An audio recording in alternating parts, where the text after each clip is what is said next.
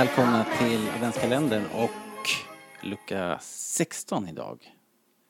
9 december och också nio dagar kvar. Eh, helt otroligt enkelsiffrigt. Nu börjar nedräkningen på riktigt. Eh, ta reda på var ni har era biljetter.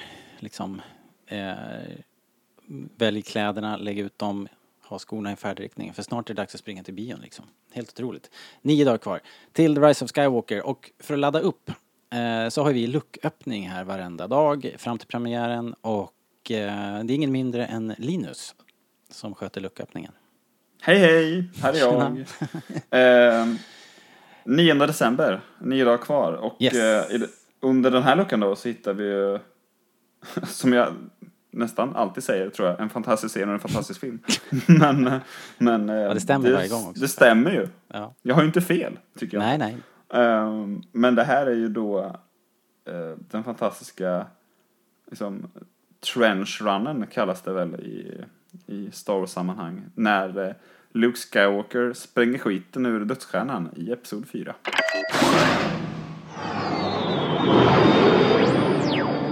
Hang on now, too.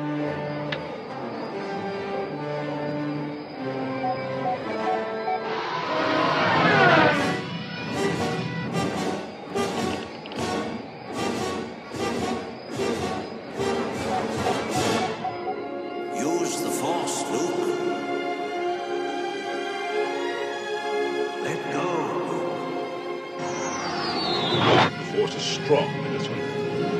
Luke, trust me.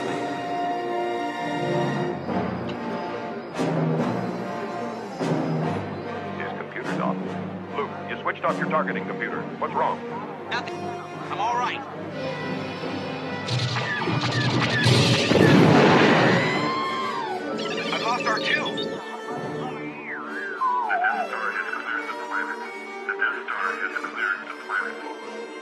Rebel base in range. You may fire when ready. Commence primary ignition.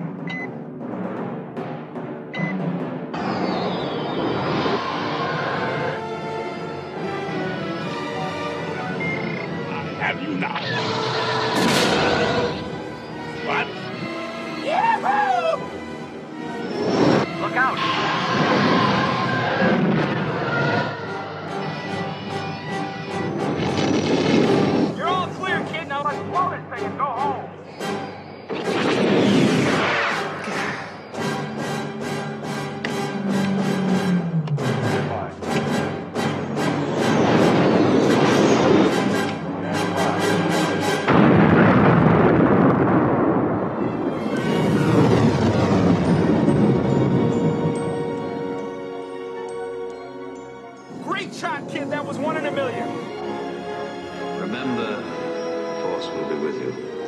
Always. Härligt. Ja, fy fan vad bra det här är också! Herregud. Ja, det är helt Ja. galet. Men du, på svenska blir det dikeskörningen eller? Dikeskörningen. Dödsstjärnedikeskörningen. Ja, Nej men det är ju, det här är ju mäktigt. Ehm, inte, inte nog med att det är någon sorts så här teknisk masterpiece. Eh, det var ju, det här var ju såklart Vänta, härskottade... sa du att det inte var det? Jo. Jaha, Eh, jag tyckte du sa. Det, det är ju, Okej. vad, jag, vad jag hade tänkt säga i alla fall var att det här Jaha. är ju någon sorts, det, det här, här måste ju en rätt stor del av George budget ha gått till, till den här filmen. En film som Antagligen. som hela tiden eh, liksom dra var drabbad av eh, problem, organisationsproblem, tekniska problem med pengar och budget och, och en eh, special effects firma som var under utveckling samtidigt som den skulle göra den här filmen. Eh, mycket, mycket problem att överkomma och den här eh, scenen, den här sekvensen är någon sorts krona på verket. Liksom. Ja, fy fan vad bra det här är. Det är ju oerhört intensivt och stressigt och bygger upp eh, på ett perfekt sätt liksom dramaturgiskt fram till det här klimaxet som är eh, ja, de gör anfall, de skjuter, de missar, man kastas mellan hopp-och-förtvivlan, sen kommer Luke där, han får helt plötsligt för sig att stänga av datorn, drar iväg den här sista torpeden, one in a million shot, träffar och eh, eh musiken eh, når också sitt crescendo. George, eh, inte George, John, George Williams. John Williams eh, liksom också överträffar sig själv och eh, vi får en sista, sista liten glimt av Tarkin och sen bara flyger hela skiten i luften. Just like Beggars Canyon back home. Ja. ja, det är ju det är en perfekt, perfekt, perfekt avslutning på en perfekt film. Liksom. Mycket bra sagt. Ja, men jag vet inte var jag ska börja, men eh, George Williams då. Eh, så, alltså, jag tror inte det finns någon scen eller sekvens i Star Wars där han liksom gör mer skillnad än den här. Nej, kanske, eller ja, fan. Alltså, Det that's a pretty tall, eh, det är ett bold statement som de säger. Men ja, jag håller med, det är ju, det är ju i alla fall, man har ju andnöd nästan. Eller hade Ja, men i det alla fall i början när man såg det här. jävla... Ja, man har ju fortfarande. Det är så jävla bra och det är ytterligare en sån här scen där det nästan är svårt att bara börja prata om det för att allt är så jävla bra. Jag vet inte vart det ska börja riktigt.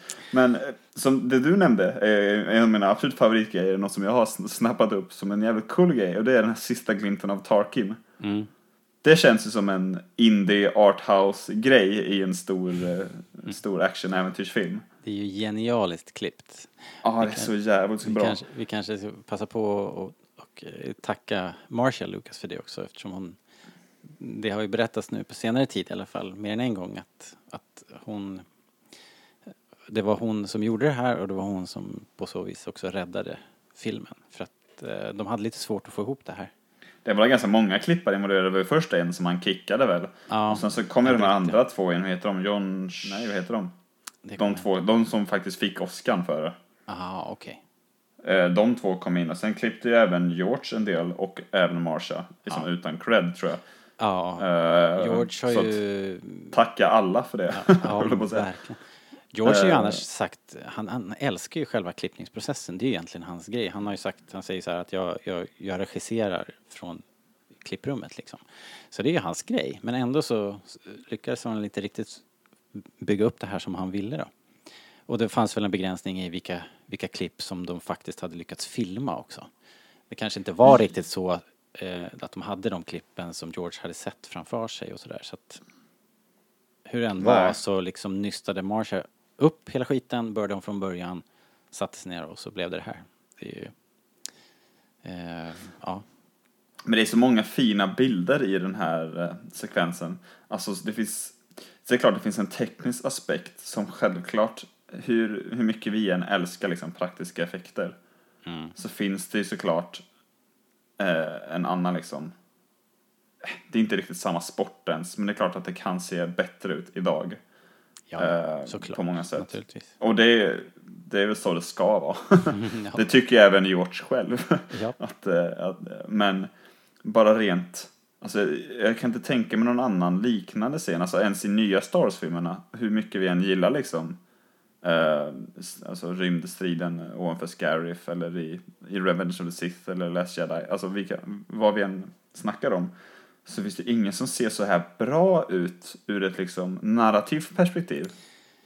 Nej, det är ju det, Det- att eh, rent dramaturgiskt så är det perfekt. Eh, Ja, som alltså bara sa, en enkel Hela sak. filmen bygger ju upp till det här. Hela Lukes historia också bygger upp till det här. Alla möten på vägen, alla han träffar på vägen. Eh, liksom levererar små, små pusselbitar som på något sätt slutar med att han skjuter dödsstjärnan och det är sista biten i pusslet. Vi trycker dit den där biten och sen så ser vi bilden och då bara boom. Ja, det är så jävla bra. Snyggt alltså. Och, eh, och, det, jag tror inte det finns någon annan rymd, eh, liksom i Star Wars som känns lika farlig som den här. Det känns som att vi liksom som tittare, eller Luke, eller den, den liksom karaktär vi är med, ska dö när som helst hela tiden. Eh, Ja. Och jag älskar det här, det, som jag tror återkommer en gång, att den är med två gånger. Det här point of view från piloten när de eh, åker ner i rännan och så står Ja. fantastiskt. Och också så här sjuk grej som bryter alla eh, liksom film, eh, är att Luke är ju typ inte med. Han försvinner några minuter när vi följer Gold Leader och hans kompisar. Mm. Och de dör som flugor runt omkring. Ja. Liksom, ingen är, är säker. Det är det här som eh, ja, men som Game of Thrones har kapitaliserat på senare år. Liksom att man vet inte, man kan inte lita på att någon ska bli kvar. Man sitter ju där och tror att nu, nu, det är ju inga kvar, det är inga rebeller kvar här liksom. hur, ska det, hur ska det gå liksom? I är slutändan helt- så är de ju bara, makalöst. vad de nu är, fem, sex stycken kvar. Det är fyra som överlever va? 30 åker, fyra kommer tillbaka. Ja, det är ju, säger ju liksom en del.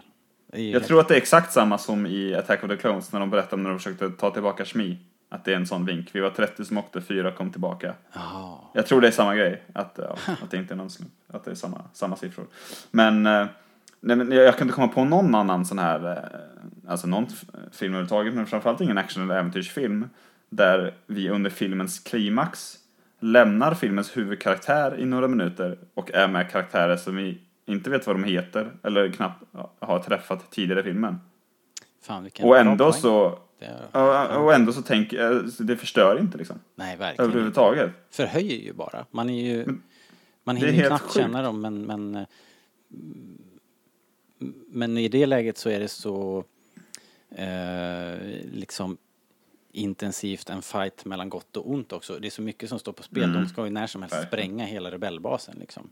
Vilken sekund som helst nu. De håller ju redan på att dra i reglagen där inne för att starta upp eh, eh, dödsstjärnan liksom. Det är ju det är en otroligt klocka på också. Det är det som är så coolt. Det här måste väl vara alla liksom tickande bomb-sceners uh, morsa liksom.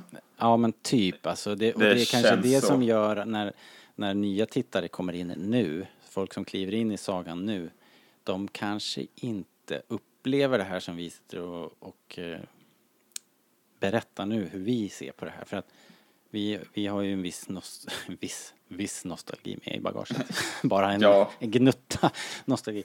För att, jag menar, det här har ju naturligtvis försökt att plagieras och eh, liknande, liknande scener har ju spelats upp sen i, i hur många filmer som helst liksom. Självklart finns det den no- nostalgiska biten liksom att ha i åtanke. Eh, och jag tror inte att det är många som eh, liksom, eh, rätt upp och ner älskar just den här biten lika mycket som, alltså om man säger första gången nu, när man är typ som jag, 23 bast.